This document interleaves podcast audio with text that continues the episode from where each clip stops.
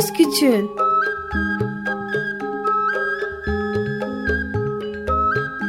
Bir Çocuk Hakları Programı.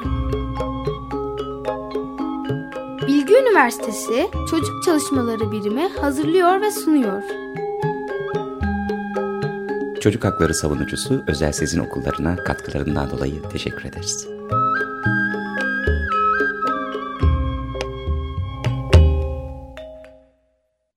Söz Küçüğün programında daha beraberiz. Ee, ben Lara, Melda abla yanında. Bir de e, telefon hattında Gündem Çocuk'tan Onur var. Öncelikle bize kendinizden ve e, ben daha yani yeniyim. O yüzden Gündem Çocuğu çok bilmiyorum. E, bahsedebilir misiniz biraz? Ee, ben Mehmet Onur Yılmaz. Ee, kuruluşundan itibaren 2005 yılından bu yana Gündem Çocuk Derneği'nde çalışmalar yürütüyorum. E, Gündem Çocuk Derneği e, 2005 yılında çocuk hakları üzerine farklı alanlarda çalışan uzmanların e, kurduğu, bir araya gelerek kurduğu bir dernek.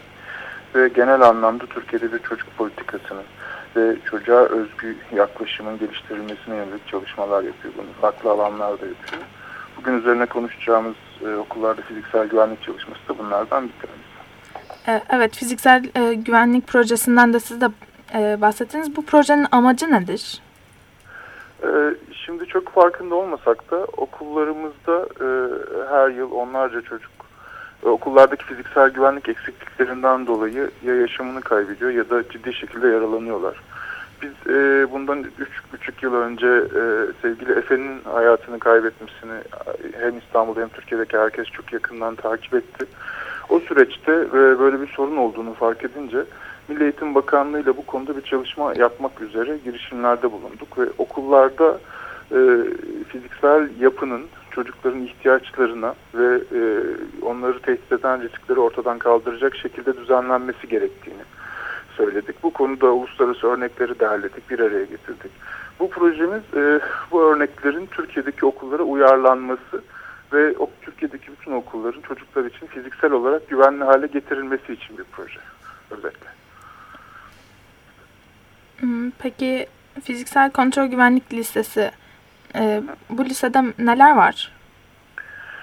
Şimdi bu, listeyi şöyle görmek lazım. Ee, şimdi çocuklar hayatlarının e, belli bir bölümünde çok e, işte ailelerinden daha fazla zamanı okulda geçiriyorlar ve çocukların okuldaki hareketleri işte yaş farklarına göre işte cinsiyete göre olabilir işte okul e, durumuna göre çok değişiklik gösterebiliyor ama okul yapıları çocukların durumlarına çok fazla elverişli değil. İşte bu fiziksel güvenlik listeleri e, çocukların okul içerisindeki e, onları işte günlük yaşamları içerisinde tehdit eden bütün riskleri ortaya çıkaran ve bu riskleri bertaraf eden şeyler. Bunlar e, sınıftaki herhangi bir mobilyanın çocuğa verebileceği bir zararı tespit etmekten tutun da okul bahçesindeki spor alanlarında bulunan e, spor aletlerine, işte servislerin park ettiği alandaki duruma kadar, işte koridorlara, öğretmen odasına, yani öğrencilerin okul içerisinde bulun, bulunduğu ve bulunabileceği her yerin e, çocuklar açısından güvenli hale getirilmesine yönelik yaklaşık 400 ila 600 civarında madde içerecek. Geçen sene e, geçiren 4 artı 4 artı 4 sisteminde küçük çocuklarda e, yani evet. okula başlama yaşı küçüldü. E, evet. Bu sisteme geçerken e, küçük çocukların da okulda e, olduğu göz önünde bulunduruldu mu? Sizce? Yani maalesef e, hani bizde çok genel olarak yapılan bir yanlışlık. Eğitim sistemi değişiyor ama maalesef eğitimin altyapısında herhangi bir değişiklik yapılamıyor çok kolaylıkla. Bu çok mümkün de değil çok hızlı yapılması. 6 yaşındaki 5,5 yaşındaki çocuklar eğitime dahil oldu ama binaların ne altyapısında ne de eğitim ortamlarında buna yönelik hiçbir düzenleme yapılamadı. Çok minimal sadece tuvaletlerde yapılan bazı değişiklikler hariç. Bu sebeple aslında bu durum e, yani bu yeni 4 artı 4 artı 4 sistemi okullardaki fiziksel güvenlik risklerini çocuklar açısından artıran e, bir durum oluşturdu maalesef. Bunun sonuçlarını da ortaya çıkan bazı olaylarda ve kazalarda da maalesef gördük. Ee, aslında şey bu Lara'nın sorusuydu. Ben biraz Lara'nın sorusunu çalmış olacağım ama Ee, biz hani hem haberleri hem de projeyi incelerken bu arada projenin başka detaylarıyla ilgili konuşuruz ama aslında okulun fiziki koşullarını ve yani bütün güvenliği denetlemekten kim sorumlu? Şu an hala hazırda bir onu aslında merakımdan öğrenmek istiyorum. İkincisi de Lara'nın sorusunu soracağım. Yani e, bu çok net bir şekilde e, aslında burada çocuk okula hatta evinden çıktığı andan itibaren eğer servisle geliyorsa ya da işte ailesi bırakıyorsa okula girdiği andan itibaren bütün sorumluluk devlete ait ve devletin oradaki temsilcisi de okuldaki okul müdürü ve görevli diğer personel. Bu anlamda hani bu zaten böyleyken biz bunu son dönemde özellikle Efe'nin davasında ortaya çıkan kararlarda da çok net bir şekilde mahkemelerin aldığı kararlarda da görüyoruz ki okulda e, çocukların başına gelebilecek olan her şeyden devlet ve onun temsilcileri olan yöneticiler, e, öğretmenler, diğer personel sorumlu. Böyle evet. de olması gerekiyor zaten. Ee, yani biz biraz e, programdan önce işte hani bu konuda e, çıkan haberlere baktık aslında hani Gündem Çocuk ve e, Milli Eğitim Bakanlığı'nın e, imzaladıkları ortak protokolle ilgili haberlere evet. bakarken e, proje hayata geçtikten sonra aslında bunun denetleyicisinin okullar olacağını e, bir şekilde dile getirmişsiniz. Evet. E, Lara'nın da aslında şöyle bir sorusu vardı yani zaten aslında buna göz yuman e, müdür Okullarda ya da sorun çıkıyor zaten. Evet yani müdür, müdür yardımcısı ya da işte idareci. E, yine denetleme onlara bırakıldığı takdirde aslında hani denetleme gerçekten herhalde ülkedeki en büyük sorun. E, yine evet. denetleme onlara bırakıldığı takdirde bir sürü başka da soruna yol açabilir diye, söyledi Lara. E, şimdi ondan hareketle aslında galiba projenin başka ayaklarında biraz e, işte müdürün okuldaki farklı kişilerin de güçlendirilmesi yer alıyor. Evet. Doğru mudur? Biraz bunun üzerinde de konuşabilir miyiz? Aslında yani Lara'nın tespiti çok doğru. Çünkü zaten sorunun kaynağı olan e, sorunun tek çözüm kaynağı da olamaz. Biz şuna inanıyoruz hani e, sorumlu devlettir. Hani buradan hiçbir şekilde geri adım atmıyoruz ve bu konudaki bütün düzenlemeleri yapma konusunda e, yani sorumluluğu devlet odaktan kaçırmıyoruz. Ama okulda bu tür bir fiziksel güvenlik ortam oluşturulacaksa burada yine sorumlular oradaki e, müdür, öğretmen ve diğer görevli personel olmak kaydıyla biz okuldaki bütün aktörleri, buna veliler de, öğrenciler de dahil olmak üzere katkı vermesini ve katılmasını istiyoruz. Ama bu onları sorumlu kılmıyor, sadece e, çözümün tarafı haline getiriyor. Ama bunun yine de yani biz şöyle bir şey düşünüyoruz açıkçası. Yani bu fiziksel güvenlik listelerini ortaya çıkartıp kitap haline getirip ya da web sitesi haline getirip yayınladığımız andan itibaren okuldaki müdürler bunu uygulamakla, e, veliler bunu talep etmekle, öğrenciler de e, o eğitimin bir tarafı olarak aslında burada gerekli e, yani hem talepkar olmakla hem de hani kendi fiziksel güvenlikleri konusunda e, pozisyon almadıkları durumda hem öğretmenlerin hem de velileri belki uyarmakla görevli olacaklar. Ama yine de her şeyin sonunda söylüyorum sorumlu, e, aktif sorumlu olarak biz devleti ve onun temsilcilerini görüyoruz. Peki aslında yine e, yani e, son birkaç ayda ele alabileceğimiz neredeyse e, 4-5 tane ölümle sonuçlanan okuldaki fiziki güvenlik koşulları nedeniyle e, çocuk ölümü var. Ki aslında e, Gündem Çocuk'ta düzenli olarak e, iki yıldır ve bu yılda yayınlanacak bir yaşam hakkı raporu evet. yayınlıyor. Evet. E, ve geçtiğimiz sene de aslında eğitim ortamı da hayatını kaybeden çocuklarla ilgili bölüm yine oldukça kalabalık. Ancak hani yaşam hakkı raporda yanılmıyorsam bu hafta ya da önümüzdeki hafta e, yayınlanmış olacak ki, bu hafta yayınlanacak. E, ki onu da e, hani ya önümüzdeki hafta ya da ondan sonraki haftalarda konu alırız.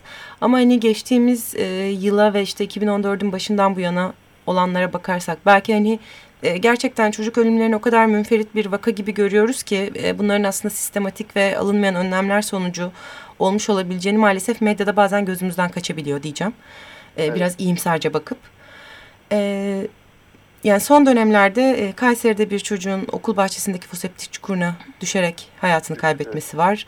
E, Aynı işte, olayın benzerini bundan üç yıl önce yaşadık. Yani tıpatıp bir olay yaşanmışken bunun tekrar etmesi çok acı verici açıkçası. E, yani biraz gerçekten e, trajikomik olacak ama Türkiye'de e, mevsimsel çocuk ölümleri olduğunu aslında bu alanda çalışanlar biliyor. İşte e, bahar ve yaz dönemlerinde işte e, çocuk işçiler e, onunla birlikte aynı zamanda işte gölet ya da işte benzeri su birikintilerine düşüp hayatını kaybeden çocuklar işte oyun dönemlerinde okul kapıları çocukların üzerine düşer kale, kaleler dezilir yani bunları maalesef dediğin gibi mevsimsel olarak Bizim karşımıza İşte çıkan bahar aylarında açık foseptik çukurları nedeniyle işte düşen, e, oyun oynarken ayağa kayan vesaire ama yani bunların her biri e, açık olan ve hani sorumluların görevini yerine getirmemesinden dolayı e, sebebiyet verilmiş olan aslında yaşam hakkı ihlalleri. Bir yandan da hani çerçeveyi öncelikle buradan koymanın Evet. çok önemli olduğunu düşünüyorum.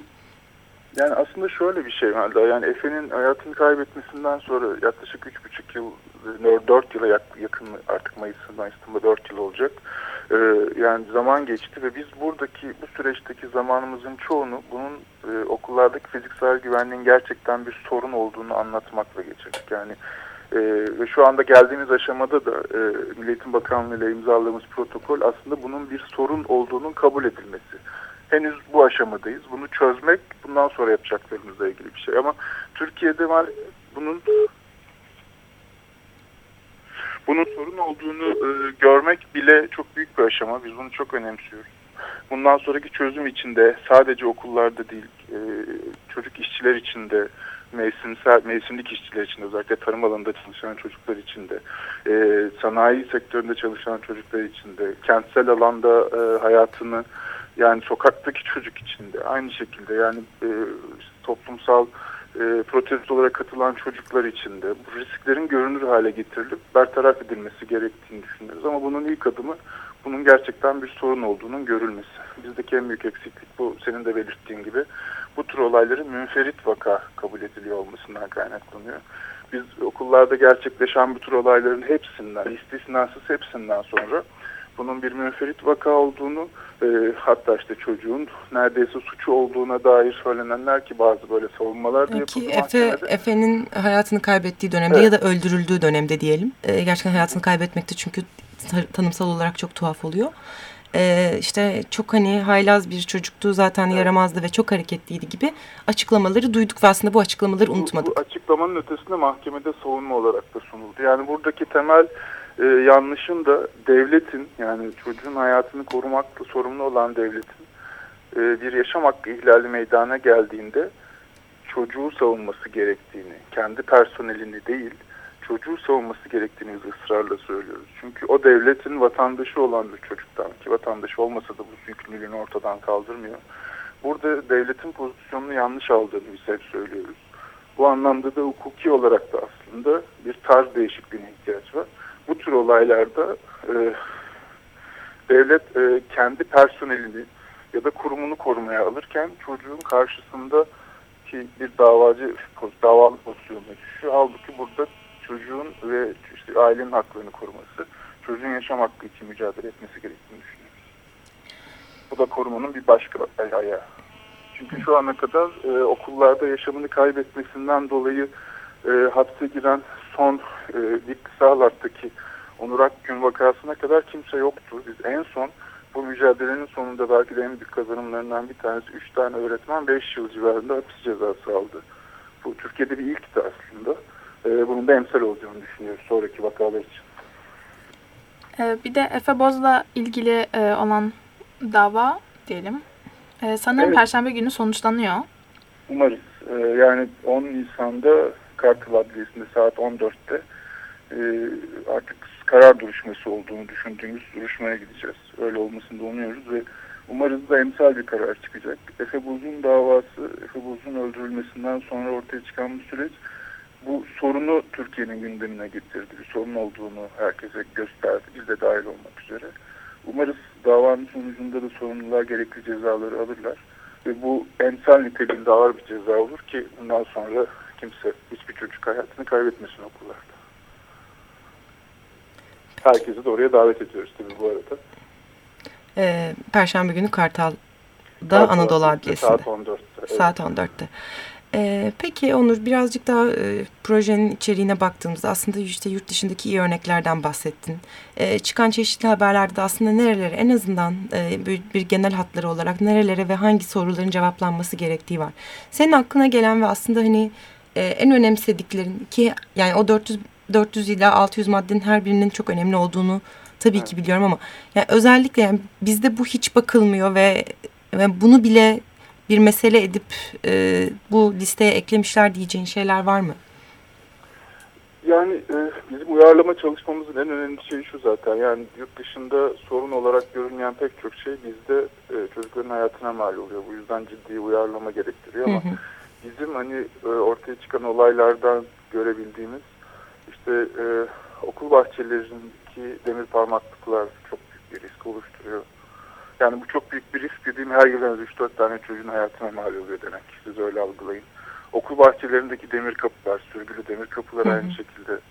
Evet, okul bahçelerindeki foseptik çukurları, okul bahçelerinde e, başıboş bırakılmış inşaat artıkları, iskele malzemeleri, e, ondan sonra çocukların e, futbol ya da basketbol oynadıkları alanlardaki kale ve potaların yere monte edilmemiş olması, e, servis alanlarının iyi düzenlenmemesinden dolayı işte manevra alanında çocukların hayatını kaybetmesi, e, okul pencereleri, okul pencerelerinden düşmeyle çok fazla çocuk hayatını kaybediyor ve yaralanıyor. Buna ilişkin e, önlemler alınmıyor. E, yani pek çok şey söylenebilir. Efe'nin durumunda olduğu gibi e, okul tuvaletlerinde özellikle kaygan zeminlerin kontrol edilmiyor olması. E, yani bunlar çok belli başlı böyle hemen aklıma gelen şeyler. Ama e, bunların bir kısmı e, Avrupa'daki örneklere baktığımızda tehdit bile olarak algılanmıyor. Çünkü hani güvenlik seviyesi ya da kalitesi, niteliği bu bunları aslında olmaması gerektiği bir ortamı yaratmış durumda. Ama biz de daha başlangıçtayız. Hani çok basit önlemleri alarak başlayacağız. Öyle görünüyor. Yani. Aslında bu e, projeyi hayata geçirmek için e, herkes çok çalışıyor ama e, biz bir yandan da kaynak yok. Yani Evet. e, değil mi? Yani şu anda maalesef gidip tıkandığımız öyle bir nokta var. Ee, bizim protokolü imzaladığımız dönemin hemen ardından hem ekonomik hem de politik olarak çalkantılı bir döneme girdik ve bu bizim sponsorla ilgili e, ya biz gibi pek çok sivil toplum kuruluşunda zor durumda bıraktı. Ve biz e, hani um, bulmayı umduğumuz kaynağın çoğuna da henüz erişebilmiş değiliz. O yüzden de aktif olarak projenin okullarda yapılacak olan çalışmalarını başlatamıyoruz. E, bu yüzden de aslında çok büyük olmayan kaynaklar ama sponsorlara ihtiyacımız var. E, bu yapacağımız kitabın e, basılıp okullara ulaştırılması için sponsora ihtiyacımız var. Okullarda yapılacak olan ve uzmanların çalışacağı yaklaşık iki buçuk üç ay kadar sürecek inceleme çalışmaları, güvenlik incelemeleri çalışmaları için finansmana ihtiyacımız var. Yani bu tür bir desteğe ihtiyacımız var. Umarım açık radyo dinleyicilerinden de bu konuda bize aracılık edebilecekler olabilir. Belki doğrudan destek verebilecekler olabilir. Bize e, info.gündemçocuk.org adresinden ulaşırlarsa çok memnun oluruz. Teşekkür ederiz hem Lara'ya bunu da gündeme getirdiği için hem de sana bilgileri paylaştığın için. Teşekkür ederim. Ee, peki e, yine böyle hani benim aklıma konuyla ilgili aslında sorulabilecek birçok soru geliyor ama özellikle bu pilot uygulama aşamasında bir nerelerde çalışmayı öngörüyorsunuz? İkincisi de hani aslında biliyoruz ki Türkiye'de e, birbirinden çok farklı okul yapıları var. Hani e, işte bazı prototipler var ama hani bir yandan da birçok farklı yani işte teknik e, okulları da değerlendirirsek aslında hani o liste genişliyor ve büyüyor benim gözümde. Evet. Yani bizim çalışmalarımız için belirlediğimiz e, aslında Ankara ve yakın çevresindeki şu anda belirlediğimiz 19 ayrı okul var. Bunlar hem e, öğrenci nitelikleri açısından hem okullar açısından yani tip olarak, tipoloji olarak birbirinden farklı okullar. İlk etap çalışmaları burada yapacağız. Daha sonra ikinci etap için Eskişehir ve İstanbul'da e, yine benzer sayıda okullar belirlenecek ve e, geliştirilen kontrol listelerinin ikinci uygulamaları da Eskişehir ve İstanbul'da yapılacak. E, bu anlamda dediğim gibi e, bizim okul yapı stoğumuz birbirinden çok farklı. Hem e, eğitim tipi olarak hem bina tipi olarak hem öğrencilerin yaş kategorileri olarak çok farklı şeyler barındırıyor. Biz olabildiğince bu pilot çalışmada seçtiğimiz okulları bu farklılıkları gözeterek belirlemeye çalıştık Milli Eğitim Bakanlığı ile beraber. E, yani istediğimiz düzeyde tekrarlara ulaşıncaya kadar da bu e, pilot okulların sayısını arttırmak istiyoruz. Şu anda ilk etap için 19 tane okul belirledik. E, ama 19'a yaklaştığımızda eğer hala yeterli görmüyorsak bunun sayısını da arttıracağız. E, şu an için ilkokullardan mı başlıyorsunuz yoksa liseler ve orta, ortaokullarda buna dahil mi? Şimdi e, Milli Eğitim Bakanlığı'nın yapısını bilenler bilirler. Yani ilk öğretim ve orta öğretim çok Hı hı. net bir ayrım var maalesef. Bizim şu anda ilk etapta yapacağımız çalışmalar ilk öğretim kurumlarında yani Hı ilkokullar, anaokulları ve ortaokulları içeriyor. Ee, orta sona kadar olan dönemi çalışacağız ama bu döneme ilişkin çalışmayı bitirdiğimizde aslında orta öğretim kurumlarına ilişkin de işin %90'ını bitirmiş olacağız. Ee, bu anlamda hani ilk e, etap çalışmalar ilk öğretim kurumları içinde olacak ama hemen ardından Orta Öğretim Genel Müdürlüğü ile de benzer bir çalışma yapmayı umuyorum. Onu tamamladıktan sonra ama bu tamamen örgütsel bir bu ayrımdan kaynaklanan bir şey. Hı hı. Ee, yani herhalde engellilik de aslında başlı başına bir başlık. Ee, değil mi Onur bu fiziksel güvenliğin içinde? Çünkü aslında her birimiz biliyoruz ki e, okullarımızın neredeyse hiçbiri e, engelli erişimine e, uygun değil. Özellikle işte fiziksel engelli erişimine ya da görme engellilik gibi hani e, çocukların rahatlıkla gelip derslerini görebileceği bir zaten erişemiyor. Hani eriştikten sonrası zaten mümkün değil. Bu başlıkta neler var? Biraz senden bunu öğrenmek mümkün mü? Şimdi e, fiziksel güvenlik doğrudan erişilebilirliğe ilişkin standartları belirleyen bir kavram değil ama Hı hı. şöyle bir şey var. Her çocuğun yani buna e, farklı tür engellilikleri olan çocukların da okullardaki fiziksel güvenliğini gözeten bir yapı. Yani tersinden aslında e, o çocukların okullara gelebilmesini ve okullarda da fiziksel olarak güvenli ortamlarda diğer çocuklar kadar hareket edebilmesini aslında önemseyen Aslında zaten yani gelmiş olması ön koşuluyla hareket ediyor. mutlaka yani ona bak bakarak ilerliyoruz ama yani şunu kabul etmek lazım. Türkiye'deki okulların e, fiziksel erişilebilirliği çok kısıtlı e, engelli bireyler için. Yani bu sadece fiziksel engelliler olarak algılandığı için bir rampa ve asansör mantığıyla ilerliyor ama sadece onunla bitmediğini e, bu konunun alan uzmanları çok iyi biliyorlar. O yüzden burada alacağımız çok fazla yol var. E, fiziksel ya da işte diğer tür engelleri olan e, öğrencilerin okullarda diğer öğrenciler kadar e, e, erişilebilir bir ortamda bulunması için. Yani umarız ki bizim çalışmamız buna bir kapı açacak çünkü Hı hı. buradaki çok ciddi eksikleri de ortaya koyacak. E, z- zannedildiği gibi erişilebilirliğin okulda yapılmış dik bir rampa ve konulmuş bir asansörden ibaret olmadığını da bununla birlikte görmüş olacağız. Ben de e, çarşamba günü Almanya'ya gidiyorum. E, orada kuzenimin okuluna gideceğim bir gün. E, ve orada hani e, isterseniz iyi olan örneklere bakabilirim. Mesela Çok memnun oluruz. Yani şöyle bir şey söyleyeyim. Bizim e, örnek aldığımız özellikle fiziksel güvenlikle ilgili yaptıkları çalışmalarda örnek aldığımız ülkelerden bir tanesi Almanya. Bu konuda oldukça gelişmiş bir yapı sistemleri var. Bu konuda gittiğin okulda böyle bir irtibat kurarsan bizimle çok da memnun oluruz. Ve mesela Türkiye'de e, sorunlardan bir tanesi de çok fazla e, bir okulda fazla öğrenci olması. Evet, evet. E, mesela e, bir okulda 3700 öğrenci vardı varmış ve e, orada yine bir ölüm gerçekleşmiş.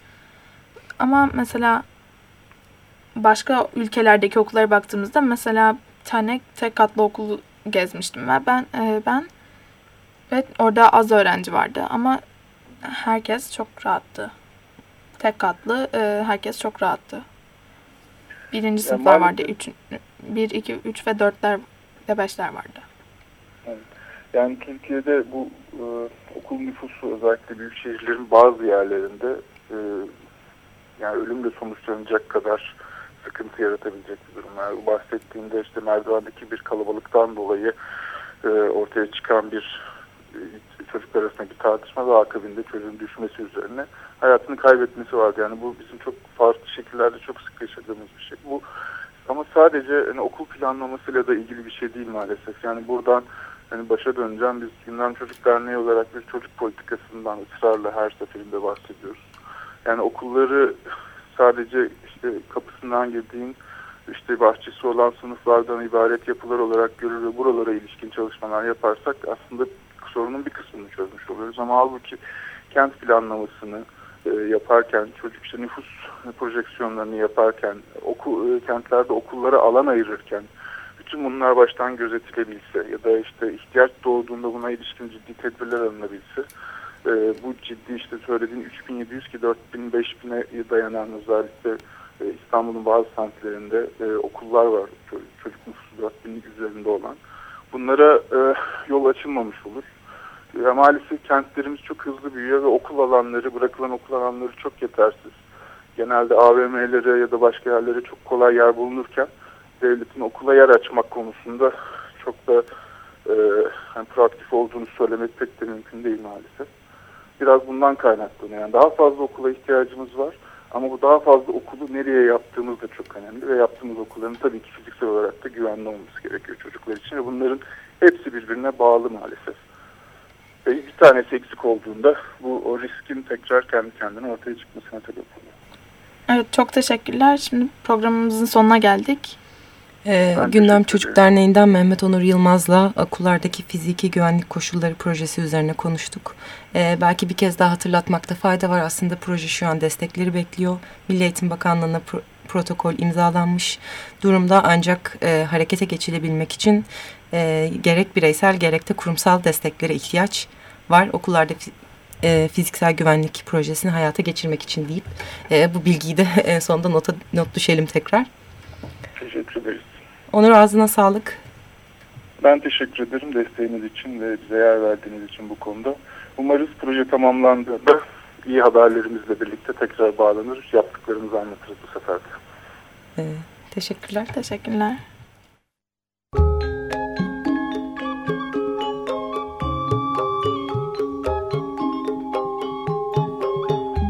Söz Küçüğün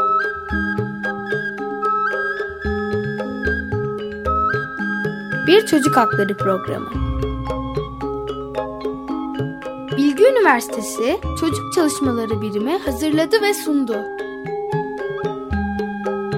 Çocuk Hakları Savunucusu Özel Sezin Okullarına katkılarından dolayı teşekkür ederiz.